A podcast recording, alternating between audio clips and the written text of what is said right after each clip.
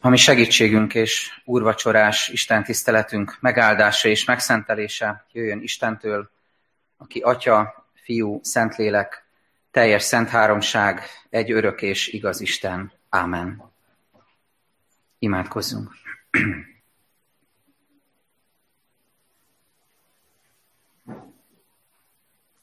Urunk, köszönjük ezt az éneket, köszönjük ezt az őszinte imádságot, Hallgass meg minket, nagy Úristen, mostani nagy szükségünkben. Jó ezt énekelni, jó ezt kimondani, és jó ezt átélni. Különösen, ha visszatekintünk a te néped az egyház történetére. Jó látni, hogy te minden időben, minden szükségben ott voltál a te népeddel, a te választottaiddal. Ott voltál a te népeddel a fogságban, a megpróbáltatásokban, a szabadulásban. Ott voltál a pusztában, a vándorláskor. Ott voltál akkor, amikor nehéz volt az első keresztény gyülekezeteknek hűséggel kitartani a hitben, mert üldöztetés érte őket. Ott voltál azokban az időszakokban az egyház történetében, amikor tévtanítások környékezték a gyülekezeteket, és nehéz volt igazán megmaradni a tiszta hitigasságoknál, a Biblia üzeneténél. Ott voltál a nagy döntéshelyzetekben, amikor nehéz volt jól dönteni. Ott voltál az újrakezdésekkor, és ott voltál a diktatúrák idején is, megtartottad a te népedet, és köszönjük, hogy, hogy a betegségekben, a járványok idején is mindvégig velünk vagy. Most is velünk vagy, és jó ezt kimondani, és jó itt tekinteni rád, mint aki a szükségben megőrzöl, megóvsz bennünket. Hálásak vagyunk a lehetőségért, hogy együtt lehetünk most, és ez a vágy van most a szívünkben, Urunk, hogy szólíts meg minket, formálj közösséget belőlünk, akár itt vagyunk a templomban, akár otthonainkban, hadd legyünk egy gyülekezet, egy közösség, egy nyáj. Te vagy a jó pásztor Úr Jézus, ki életedet adtad értünk. Szólíts meg minket, Urunk. Ámen. Nyitott szívvel hallgassuk Isten igét, a mai napra kijelölt új szövetség ige szakaszt olvasom az első korintusi levél 11. részéből, a 17. verssel kezdődően. Amikor a következőkre rátérek, mondja Pálapostól, nem dicsérhetlek titeket, mivel nem javatokra, hanem károtokra jöttök össze. Mert először is azt hallom, hogy amikor összejöttök a gyülekezetben, szakadások vannak közöttetek, és ezt részben el is hiszem, mert szükséges, hogy legyen közöttetek szakadás is, hogy a kipróbáltak nyilvánvalókká legyenek közöttetek. Amikor tehát összegyülekeztek, nem az úr vacsoráját eszitek. Mert az evésnél mindenki a saját vacsoráját veszi elő, és az egyik éhezik, a másik pedig megrészegedik. Hát nincsen házatok, hogy ott egyetek és igyatok? Vagy megvetitek az Isten gyülekezetét, és megszégyenítitek a nincs teleneket? Mit mondjak erre? Dicsérjelek ezért titeket? Nem dicsérlek. Mert én az Úrtól vettem, amit át is adtam nektek. Hogy az Úr Jézus azon az éjszakán, amelyen elárultatott, vette a kenyeret, és hálát adva megtörte, és ezt mondotta. Vegyétek, egyétek, ez az én testem, amely ti érettetek megtöretik. Ezt cselekedjétek az én emlékezetemre. Hasonlóképpen vette a poharat is, miután vacsoráltak, és ezt mondta. E poháram az új szövetség az én vérem által. Ezt cselekedjétek, valamennyiszer isszátok az én emlékezetemre. Mert valamennyiszer eszitek-e kenyeret, és isszátok-e poharat, az Úr halálát hirdessétek, amíg eljön. Azért, aki méltatlanul eszi az Úr kenyerét, vagy issza az Úr poharát, vétkezik az Úr teste és vér ellen. Vizsgálja meg azért az ember önmagát, és úgy egyék abból a kenyérből, és úgy igyék abból a pohárból. Mert aki úgy eszik és iszik, hogy nem becsüli meg az Úr testét, ítéletet eszik és iszik önmagának. Ezért erőtlenek és betegek közöttetek sokan, és ezért halnak meg annyian. Mert ha mi magunk ítélnénk meg önmagunkat, nem esnénk ítélet alá. De amikor az Úr ítél minket, akkor nevel, hogy a világgal együtt elnevesszünk. Azért tehát, testvéreim, ha evésre egybegyűltök, várjátok meg egymást. És ha valaki éhes, otthon egyék, hogy ne ítéletre gyűjjetek össze. A többiről majd akkor rendelkezem, ha hozzátok érkezem. Ez Istenünk igéje.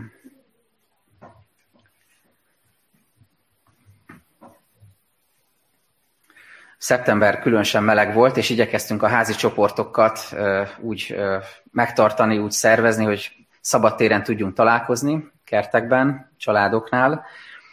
És az egyik ilyen házi csoportos alkalommal elég hűvös volt már, és kint ültünk egy asztal körül, a hétfői házi csoportunkkal, és nagyon különös élményben volt részünk, hogy ott szorongattuk a kis teás bögrénket, és kapaszkodtunk bele, mert jó meleg volt tea, és melegítette a kezünket, és ott beszélgettünk, imádkoztunk, dicsértük az urat énekszóval is, és egyszer csak valaki körbenézett, és gyors fejszámolást végzett, és azt mondta, milyen érdekes, 12-en ülünk az asztal körül. És ez a kép, ahogy, ahogy ott ültünk, és, és az Isten igéje köré gyűltünk, és Jézusra figyeltünk, aki lélek szerint ott volt velünk, az ő tanítványaival, ez előhozta ezt a, ezt a régi emléket, ami ott volt a tanítványokban, hogy Jézussal lehet egy asztal köré ülni. És hogy vannak ilyen lenyomatok az életünkben, vannak ilyen emlékek, élmények, amik újra meg újra megismétlődhetnek. És ez azért jutott eszembe, hogy olvastam most a, az, úrvacsora, az úrvacsoráról szóló tanítást Pálapostoltól, hogy hasznos és építő úgy olvasni az evangéliumi történeteket, az apostoloknak a leveleit, az egyházról, az első gyülekezetről szóló híradásokat, beszámolókat, hogy ezek megismétlődő, újra ismétlődő jelenetek, történetek, Krisztussal való közösségnek a lenyomatai. Amikor ketten, hárman, hatan, hatvanan, tizenketten összegyűlünk egy asztal köré, egy közösségben, amikor tudunk együtt imádkozni, együtt gondolkozni, együtt dicsőíteni Istent, amikor tudjuk egymás terheit hordozni imádságban is és tettekben is, amikor tudunk együttérzően hallgatni, amikor csak arra van szükség, hogy ott legyünk egymás mellett és hallgassunk, csöndben legyünk, amikor igyekszünk tanulni a bukásainkból, és beismerjük, hogy egyikünk sem hibátlan, és szükségünk van Krisztusnak a bűnbocsánatára, akkor újra éljük az evangélium valóságát.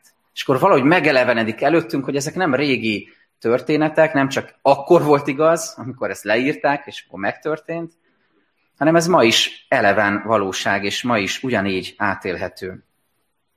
Ma, amikor megint gyakorolhatjuk az úrvacsora közösségét, akkor arra hív bennünket Isten lelke, hogy egészen őszintén nézzünk rá az életünkre.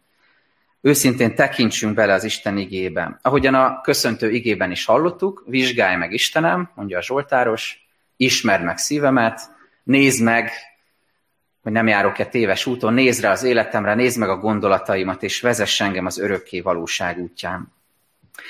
Erre hívlak tehát benneteket, az üzenet első felében, vagy első üzenetként a nehezebb részről hadd beszéljek, hogy milyen intelmeket fogalmaz meg Pálapostól az úrvacsorai gyakorlattal kapcsolatban a korintusiaknak, és ha őszintén hallgatjuk ezt, és, és nyitott a szívünk, akkor észre fogjuk venni, hogy, hogy ez rólunk is szól, nem csak a korintusiakról, bennünket is megtalál ez az igen. Az üzenet második felében pedig arról szólok, hogy hogyan gyógyít minket. Ebben a nagyon furcsa helyzetben, amiben most élünk, ebben a járvány helyzetben, hogyan gyógyít bennünket az Úr vacsorája, az asztal közösség az asztal köré gyülekezésünk. Először tehát Pál intelmeiről hadd szóljak. Pár éve beszéltem az úrvacsoráról, aztán nem sokkal később Dávid is mondott tanítást az úrvacsorai közösségről. Most nyilván nem ezt fogom megismételni, de hogy most elém került, hogy, hogy ma éppen egy úrvacsorai vasárnap ez lesz az igen, szerettem volna ezt nem kerüljük ki, hanem újra szóba hozzuk, beszélünk róla, és aztán gyakoroljuk is az úrvacsorai közösséget. Nagyon kemény az, ahogyan Pál kezdés. Talán már nem is lepődünk meg ezen, hogy Pál használ ilyen szigorú kifejezéseket, amikor azt mondja rögtön az elején a 17. versben, hogy amikor a következőkre rátérek, nem dicsérhetlek titeket. Nem jó ezt hallani, még Páltól sem, még ha tudjuk is, hogy jó lesz a vége, tehát jó felé haladunk, de, de egy elsőre nem jó ezt hallani, nem dicsérhetlek titeket. Az jutott eszembe, hogy hogy Pálapostól nem, nem az a frusztrált gimnáziumi tanár, vagy, vagy önmagával eltelt egyetemi professzor, aki alig várja, hogy bebizonyítsa, hogy a diák mit nem tud. Lehet, hogy volt már ilyen élményetek valamely vizsgátokon, hogy, hogy alig várta már a professzor, hogy bebizonyítsa, hogy ő tízesre tudja, te meg úgy egyesre is alig. Tehát ez a, ez a hozzáállás a diákhoz. Pálapostolban ez nincs meg. Tehát nem ezért hozzá elő, hogy most én nem dicsérhetlek titeket, meg már megint intelmeim vannak, hogy bebizonyítsa, hogy már megint mit rontottak el a korintusiak. Pálban is van egy vívódás, hogy egyáltalán beszéljen erről. De fontosnak tartja, hogy, hogy, hogy ezt szóba hozza, és végül is nagyon bátran és őszintén rátér erre. És nézzétek meg, hogy hogyan folytatódik ez a 20. versben. Ott még keményebben fogalmaz, amikor azt mondja, amikor tehát összegyülekeztek, nem az úr vacsoráját eszitek. Más fordítás szerint nem lehet az úr vacsorával élni, de a legnyersebb, legérdesebb fordítása ennek a mondatnak az úgy hangzik, hogy, hogy amikor úrvacsorára összegyűltök, az igazából nem úrvacsora. Valójában ezt jelenti Pálnak ez a, ez a mondata, és ez, ez, ez rendkívül nyers. És elsőre nagyon bántó. Nagyon bántó ezt hallani, mert ez olyan, mintha Pál megkérdőjelezni a korintusiak híd gyakorlatát. Tehát gondolják magukba, hogy tehát Pál, tehát ismersz minket, hát tudod, hogy hogyan alakult meg a gyülekezetünk, tudod, hogy mennyire nehéz nekünk megmaradni hűséggel keresztényként egy pogány tengerben, egy, egy, olyan, egy olyan városban, amelyben a legtöbb ember pogány isteneket, báványokat imád, és nem keresi az urat, és üldöznek bennünket, és kinéznek bennünket, és mi mégis itt vagyunk hűséggel, és összegyűlünk, és úrvacsorát is veszünk. Miért kérdőjelezed meg, hogy mi tiszta szándékkal tesszük mindezt? Nehéz lehet ezt hallani, hogy, hogy igazából az nem úrvacsora, hogy ti ezt most csináljátok. És ilyen képek, ilyen hétköznapi képek jöttek elém, vagy ilyen élmények. Ez, ez olyan, amikor a, a mindentudó foci drukker ránéz a meccsre, és azt mondja, hogy ez nem foci. Vagy amikor a, a tanár uh, hallgatja a feleletet, és azt mondja a diáknak, hogy ez nem tudás. Vagy amikor a, a szülő vagy a nagyszülő belehallgat abba a zenébe, ez egy érdekes gyakorlat egyébként, amit a, a gyerekei, az unokái hallgatnak, nem tudom, szoktatok-e ilyet csinálni, és mi a véleményetek arról a zenéről, amit a fiatalok hallgatnak, és belehallgat, és azt mondja, hogy ez nem zene. Vagy, vagy amikor a, bemegy a turista a múzeumba, és, és ránéz egy modern műalkotás, és azt mondja, hogy ez nem művészet. Tehát ez körülbelül ilyen, amikor ránéz Pál arra, amit csinálnak a korintusiak, és azt mondja, hogy ez nem úrvacsora, ahogy ti ezt csináljátok. Pálapostól azonban nyilvánvalóan nem bántani akar, hanem segít újra ránézni arra, amit egyébként meg csomószor csináltak a korintusiak.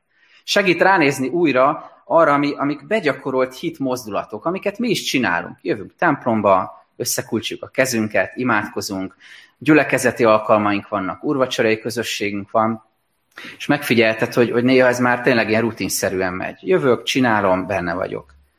És Pál azt mondja egy picit kimozdítva a korintusiakat, hogy nézd rá újra hogy hogy csinálod ezt, hogy hogy vagy, hogy vagy ebben jelen, és hol, hol van ebben az Úristen.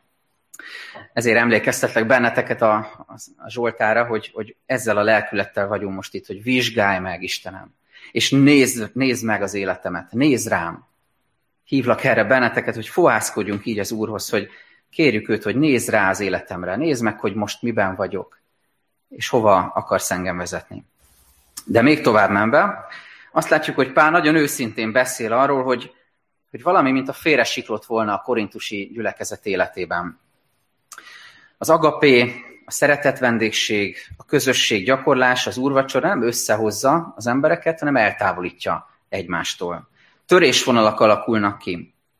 Ebben a rövidebb szakaszban is, meg az egész levélben látunk ilyen törésvonalakat, amikre Pál felhívja a figyelmet. Például a szegények és gazdagok közötti különbségek picit hadd húzzam el, hadd hangsúlyozzam, hogy abban a helyzetben, amikor nagyon sokan, és újra látjuk ezt, elveszítik a munkájukat. Nem annyira egyértelmű már a megérhetésük.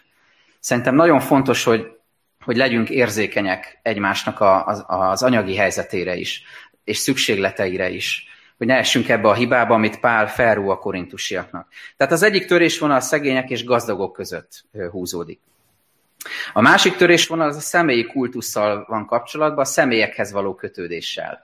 Pár héttel ezelőtt érintőlegesen utaltam erre, hogy mondja Pál a korintusiaknak, hogy vannak közöttetek, akik azt mondják, hogy Pálhoz húzunk, nekünk, nekünk ő a szimpatikus, másoknak Apollós, harmadik csoportnak Kéfás, és így tovább. Tehát vannak, mint, mintha lennének pártok vagy irányzatok a, a gyülekezeten belül, hogy én kihez tartozom, és, és kihatározza meg az én hitemet.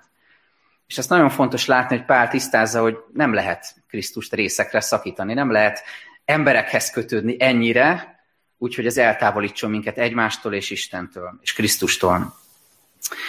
Ezzel kapcsolatban pedig azt szeretném hangsúlyozni, hogy talán hallottátok, hogy közelednek a közegyházi választások, püspököt választunk többek között, és nagyon jó lenne az, hogyha ha ez a, ez a korintusi tévegés, vagy bűn, vagy hiba elérne bennünket is, hogy nem emberekhez kötődünk. Fontos, hogy jól döntsünk, fontos, hogy felelősen döntsünk, de hogy ez ne válasszon el bennünket egymástól, hogy én kihez húzok, kihez tartozok, kit tartok szimpatikusabbnak. Ez a másik törésvonal, tehát szegények gazdagok között, személyekhez való kötődés mentén. A harmadik jellemző terület pedig a szabadságnak, a keresztény szabadságnak a kérdése. Ez pedig úgy kerül elő Korintusba, hogy, hogy Korintusban erről már beszéltünk többször is, pogány kultusz veszi körül a keresztényeket, bálványoknak áldoznak, és több olyan húsüzlet van, ahol azt a húst árulják, amit korábban bálványoknak ajánlottak fel. Tehát idegen isteneknek. És itt fölmerül a kérdés a hívőkben, hogy most ezt meg szabad enni, vagy nem szabad megenni. És Pálapostól tulajdonképpen tisztába teszi ezt a kérdést, hogy szabadságod van arra, hogy meged, az csak egy hús, tulajdonképpen nem védkezel vele, ha azt megeszed, de hogyha valakinek ez lelkiismereti problémát okoz, és ezzel őt esetleg megbotránkoztatod, akkor figyelj az ő lelkiismeretére, és, és legyél annyira irgalmas és szeretetteli, hogy akkor te nem élsz azzal, amivel egyébként élhetnél a szabadságodból. Ez a harmadik törésvonal. Mit szabad, és mit nem. Kinek mire van szabadsága az Úrtól. És, és ez is, ha megfigyelitek, ma is el tud választani minket egymástól, hogy mire kaptunk szabadságot. Tehát szegények, gazdagok, törésvonala, a személyi kultusz, személyekhez való kötődés, illetve a szabadság kérdése. És mi a probléma a törésvonalakkal? Hát ha már hallottatok híradást földrengésekről, akkor tudjátok. A törésvonalból előbb-utóbb, törésvonalakból előbb-utóbb földrengés lesz, előbb-utóbb óriási pusztító hatása lehet.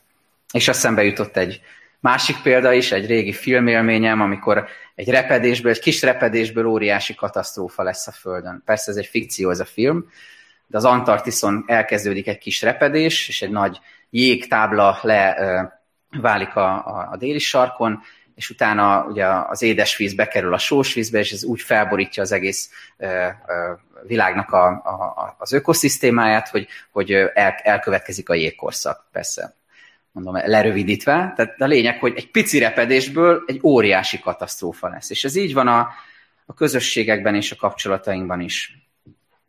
És ennél a pontnál egy picit megállva hadd hívjam fel erre a figyelmeteket, hogy érdemes így nézni a kapcsolatainkat. Érdemes így nézned a házasságodat, a gyerekeiddel való kapcsolatodat, a gyülekezeti kapcsolataidat minden szinten. Nézd meg, hogy hol, hol vannak repedések, hol vannak törésvonalak. Figyelj oda erre. Ne menj el szó nélkül emellett. Dolgozz rajta, figyelj oda rá. Kérd az urat, hogy, hogy szüntesse meg ezeket, gyógyítsa a sebeket. Ne, ne hagyd annyiban mert a kicsiny törésvonalakból óriási pusztító erő lehet.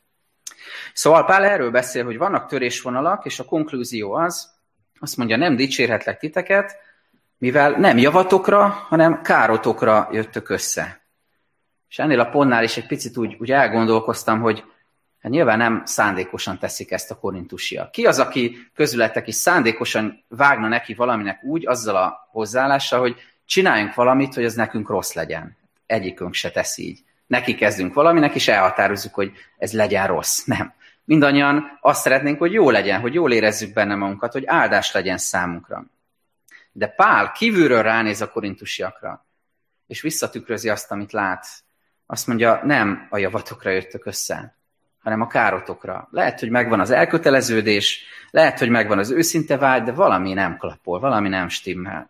Ezért valamin változtatni kell. Gondoljátok végig. Engedjétek, hogy Isten vizsgáljon benneteket. Mit, miket állapít meg Pál, hogy nem az Úr nevében jönnek össze, hogy az önző érdekeikre, a saját szükségleteikre és azoknak a kielégítésére figyelnek. És ez a lelkület ma is megjelenhet, nem csak Korintusban, hanem nálunk is, bárhol. Csak nekem legyen jó, csak én kapjak, csak én lakjak jól, testileg, lelkileg, nem kell másokra odafigyelnem, én számítok. Vagyis Pál arról beszél, hogy ez a családias jelleg, ami korábban megvolt a, ebben a gyülekezetben, az valahogy kezd elveszni. Kemény szavak, kemény intelmek és pára jellemző szigorúság, amikor azt mondja újra, kicsit később már itt a vége fele, hogy, hogy nem dicsérlek benneteket megint előhozta ez a régi iskolás élményeimet, amikor nagyon büszkén vittem haza a kis ellenőrző füzetemet, és piros betűkkel be volt írva valami dicséret. Ez nem kellett sok mindent csinálni, mondjuk szépen ment az ember az úton kézen fogva, akkor már kapott egy dicséretet. Ez könnyű volt. Intőt azt hiszem nem kaptam, csak egyszer majdnem, de ez nem volt benne, dicséret volt benne, de olyan nem volt benne az egész biztos, hogy nem dicséret. Tehát, hogy a mai napon az ön kisfiát nem dicsérjük meg, ilyet nem írnak le. Pál nagyon furcsán fogalmaz. Azt mondja, se nem dicséretet mond, se nem intelmet mond, hanem azt mondja, nem dicsérlek titeket. Mennyire finoman próbálja őket ösztönözni a változásra. És amikor idáig jutunk az igében, most jön a fordulat, amikor idáig jutunk, és kezdünk feszengeni, hogy szegény korintusiak már megint megkapták Pától, és, és mi is ebben érezzük magunkat, hogy talán mi is megkaptuk, akkor, akkor olyan jó azt látni, hogy hogyan folytatódik az igen. Hogyan van ebben egy nagyon nagy fordulat. Hogy hogyan mondja azok után a szavak után, hogy nem dicsérlek, hogy mit tett Jézus. Nézzétek meg, a, ha van előttetek Biblia, vagy hallgassátok, amikor azt mondja, nem dicsérlek, a következő igevers így kezdődik, mert én az Úrtól vettem, amit át is adtam néktek. Az úrvacsora szereztetése. A nem dicséret után rögtön rátér arra, hogy de kicsoda az a Jézus, aki bennünket meg tud változtatni, aki meg tud gyógyítani. Ki az a Jézus, aki hordozza az életünket? És mielőtt erre rátérek, és erről szólok még, hogy hogyan gyógyít az úrvacsorai közösség bennünket most, hadd bátorítsalak benneteket arra, hogy lesz majd egy imacsönd, amikor imádkozunk az úrvacsora előtt, akkor védjétek az úr elé őszintén ezt a kérdést, hogy, hogy mi az az utóbbi, úr, legutóbbi úrvacsora óta, vagy az elmúlt héten, amivel kapcsolatban talán ezt hallod most az igéből, hogy nem dicsérlek. Hogy Isten nagyon kegyelmesen, irgalmasan ránéz az életedre, és azt mondja, nagyon szeretlek, drága gyermekem, de a gondolataidban, a tetteidben, a mulasztásaidban, a cselekedeteidben, mindenben valahogy látom azt, hogy valami nem stimmel. Van valami, ami miatt nem dicsérhetlek. És itt jön a kegyelem, és a fordulat, és az üzenetnek a második fele. Ugyanis Pálapostól elkezd arról beszélni, hogy mit tett Jézus értünk, és mi erre hogyan emlékezhetünk az úrvacsorában, hogy tisztuljon az életünk, hogy gyógyuljon az életünk, és gyógyuljanak a közösségeink. És különösen ebben a helyzetben, amikor annyira szétszóratásban vagyunk, most már vagyunk a templomba, lehet jönni újra, de már megint bizonytalanság van bennünk, hogy, hogy jöhetünk el, sokan online követik, nem vesznek részt, elsodródnak, eltávolodnak, tehát van egyfajta szétszóratás az egyházban, a gyülekezetben is, de mi az, ami tud bennünket mégis gyógyítani és egységre formálni minket. Sok kult szó van ebben a szereztetés igében, én egy félmondatot választottam most ebből, ami fontos lett nagyon, akkor Pál azt mondja, hogy az Úrnak halálát hirdessétek.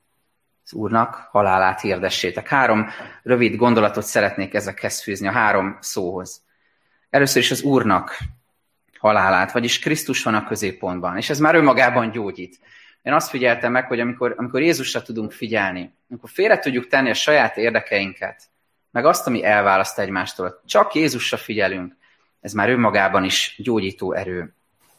És bizonyára sokan vagytok így azokkal a gondolatokkal jelen most az úrvacsorára készül, hogy, hogy vívódás van bennetek, mert méltatlannak érzitek magatokat érezzük magunkat. Mert azt, azt gondoljuk, hogy amit tettünk, az valahogy nem, nem fér össze azzal, amire most készülünk. Amit gondoltam, esetleg tegnap, amit mondtam, ahogyan bántottam valakit, ahogyan szeretetlen voltam, vagy irgalmatlan voltam, az nem fér össze azzal, hogy most megjövök a kegyelem asztalához. És ez valóban így van, nem fér össze, de pontosan ez a lényeg, hogy most Jézussal néz. Az Úrnak halálát hirdessétek és ne azzal bíbelődjünk, hogy én hogyan nem vagyok méltatlan, és hogyan magyarázom meg, hogy már megint nem jövök úrvacsorát venni. Mert ezt még mások is tudják róla, mert hogy, hogy nézne az ki, hogy én jövök. De elég az, hogy én tudom, meg az Úr tudja. Ne erre néz, hanem arra néz, hogy Jézus hív. Jézus most hív téged, hogy gyere, élj ezzel a lehetőséggel, ne cipel tovább azt a terhet, ami ott van a szívedben. Talán hallottátok mostan a hétvégén az Ultra Balaton, sok ember körbefutja a Balatont, barátaink is vannak ott, akik esőben is kitartva körbefutják a tavat, és vannak frissítő állomások bizonyos távolságonként, és, és olyan jó ezt így magunk elé képzelni ezt a képet, hogy jön a fáradt futó, görcsel a vádlia, eltikkat, alig kap már levegőt, kis bátorításra van szüksége, és megérkezik egy ilyen frissítő állomásra, kap egy kis vizet, kis szőlőcukrot, pár jó szót, és megy tovább megerősödve. És az úrvacsora egy ilyen frissítő állomás. De nem úgy, hogy felfrissít az úr, leveszi rólad a terhet, és aztán holnaptól, hétfő reggel 6-tól, 8-tól ugyanúgy csináld az életedet, mint előtte. Nem. Hanem a frissítő állomás azt jelenti, hogy ez a futó az egészen kicserélődve, megújulva, meg új lendülettel tud tovább menni. És a hívő ember is új lendülettel tud tovább menni hétfőn, mert kapott erőt az Úrtól. Egy ilyen frissítésre hív most az Úr. Jézusra figyelj. A második szó az, hogy halálát. Az Úrnak halálát hirdessétek. Ez az áldozatról szól. Arról, hogy mit tett érted Jézus, hogy ő hogyan adta oda önmagát, érted a bűneidért. De nem csak erről szól, mert Jézus a lábmosás történetében talán emlékeztek, azt mondja a tanítványoknak, hogy ahogy én tettem veletek, ti is akképpen cselekedjetek egymással. Amikor Jézus áldozatot hoz, amikor meghal értünk a kereszten, amikor lehajol értünk, és irgalmat gyakorol, és szolgál felénk, akkor ez nem csak az ő szeretetét mutatja be, hanem arról is szól, hogy nekünk hogyan lehet, és hogyan kell egymáshoz viszonyulnunk. Az áldozatkészségről szól ez. Nem a mártírkodásról, hogy neked mindig háttérbe kell szorítanod magad, és sose törődj magaddal, és közben szívd a fogadat, hogy már megint én voltam az, aki hátra léptem, és már megint én nem jártam jól, és már megint az én szempontjaimat nem vették figyelembe. Ez mártírkodás. Ez nem áldozatkészség. Áldozatkészségre hív arra, hogy, hogy azzal a lelkülettel, hogy Jézus meghalt érted és szolgált neked, azzal tudjál te is másokért szolgálni, naponként fölvenni a keresztedet. Így lesz a halálból élet. Az Úrnak halálát hirdessétek, így jutunk a harmadik szóhoz. Hirdessétek. Az eredeti szövegben, ebben a szóban hirdessétek, benne van az a görög szó, hogy angyal. Mert az angyalok a hírnökök, az angyalok, akik hírül viszik, hogy mit tett Isten. Hogy mit cselekedett az ember életébe, és hogy mit fog cselekedni. És mi is lehetünk ilyen angyalok, mi is lehetünk ilyen hírnökök. Mert az úrvacsora, az asztal köré gyűlő közösség, az egymásra odafigyelő gyülekezet, az önmagán túllátni képes, önzetlen, megnyíló szívű emberek kapcsolatrendszere, ez önmagában ige hirdetés, ez önmagában bizonságtétel és evangélium hirdetés. Egy keserű, megfáradt, néha cinikus, gyanakvó, szorongó, bizalmatlan, megosztott, de a szíveméjén boldogságra vágyó társadalomban ebben a közegben, ma Magyarországon. Bennünket angyalokként küld az Úr. Hírnökökként vegyük ezt komolyan. És ennek a kiábrázolódása, ennek a küldetésnek, ennek a hírnek a kiábrázolódása az úrasztala, ami köré gyűlhetünk most, ami egységet formál belőlünk. És ez onnantól kezdve lesz igazán érdekes, amikor belegondolunk, hogy mennyi félék vagyunk. Én már nagyon sokszor rá, rácsodálkoztam már, és veletek is beszélgettünk erről, hogy mennyi félék vagyunk itt a templomban is.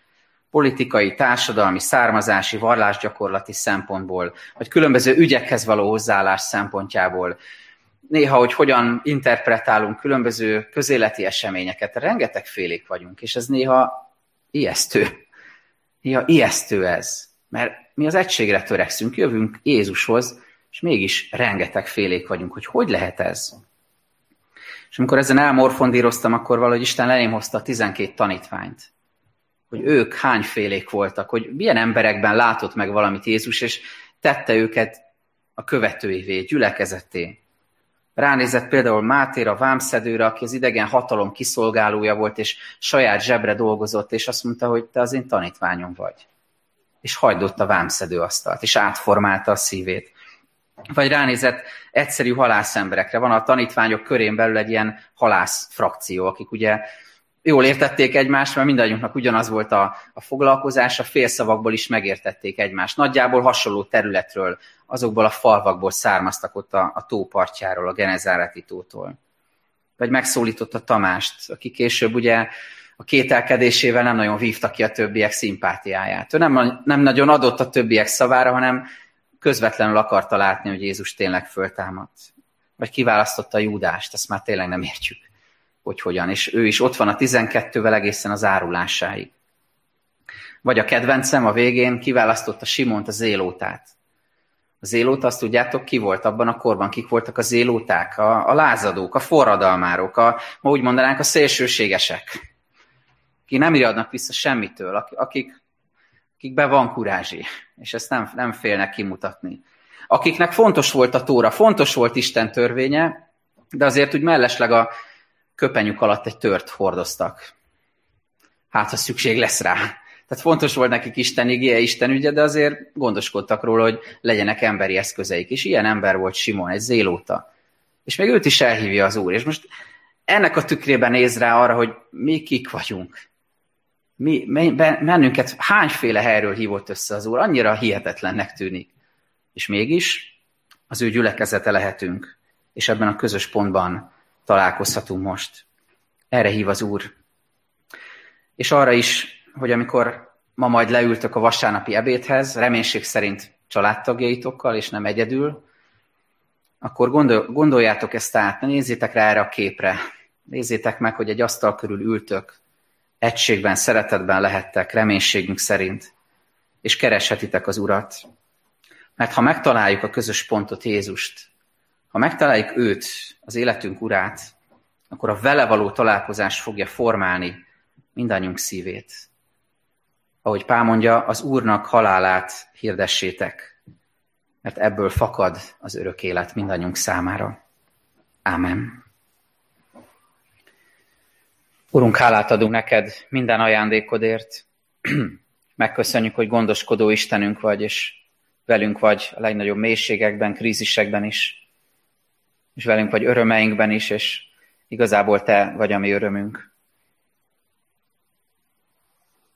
Urunk, hálát adunk neked a, a gyógyulásokért, amelyekről hírt kaptunk, a, a sikeres műtétekért, amelyeken átestek testvéreink, a gyülekezet tagjai vagy szeretteink. Köszönjük ezeket a, a szabadító pillanatokat a héten, és köszönjük, hogy ott vagy a gyászoló családokkal is, a vesztességben, az emlékezésben, a hálaadásban, és köszönjük, hogy mi is ott állhatunk mellettük ebben a helyzetben. Urunk, hálát adunk a szüretért, megköszönjük neked a, a szőlőtőkék gyümölcsét. Hálát adunk neked, hogy ez nem csak egy gyümölcs, hanem jel is, és ezért különösen is hálás a szívünk érte. Köszönjük, hogy arról is üzenez, hogy lehet szüretelni, hogy, hogy tart még a kegyelem ideje, és amíg ez tart, addig nem szűnik meg a vetés és az aratás és a szüret. Köszönjük, Urunk, hogy így gondoskodsz erről a földről és a közösségeinkről. Kérünk adj családjainkban, gyülekezetünkben, nemzetünkben, te légy a gyógyítónk, testileg és lelkileg is. Hoz össze bennünket a te asztalodnál, és aztán indíts utunkra minket, szolgálatra, küldetésre. Ámen. Fennállva imádkozzuk együtt, ami Urunktól tanult imádságot.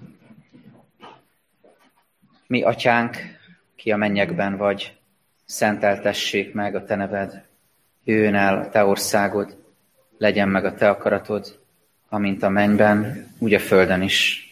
Minden napi kenyerünket add meg nékünk ma, és bocsáss meg a mi védkeinket, miképpen mi is megbocsátunk az ellenünk védkezőknek és ne védj minket kísértésbe, de szabadíts meg minket a gonosztól, mert tiéd az ország, hatalom és a dicsőség mind örökké.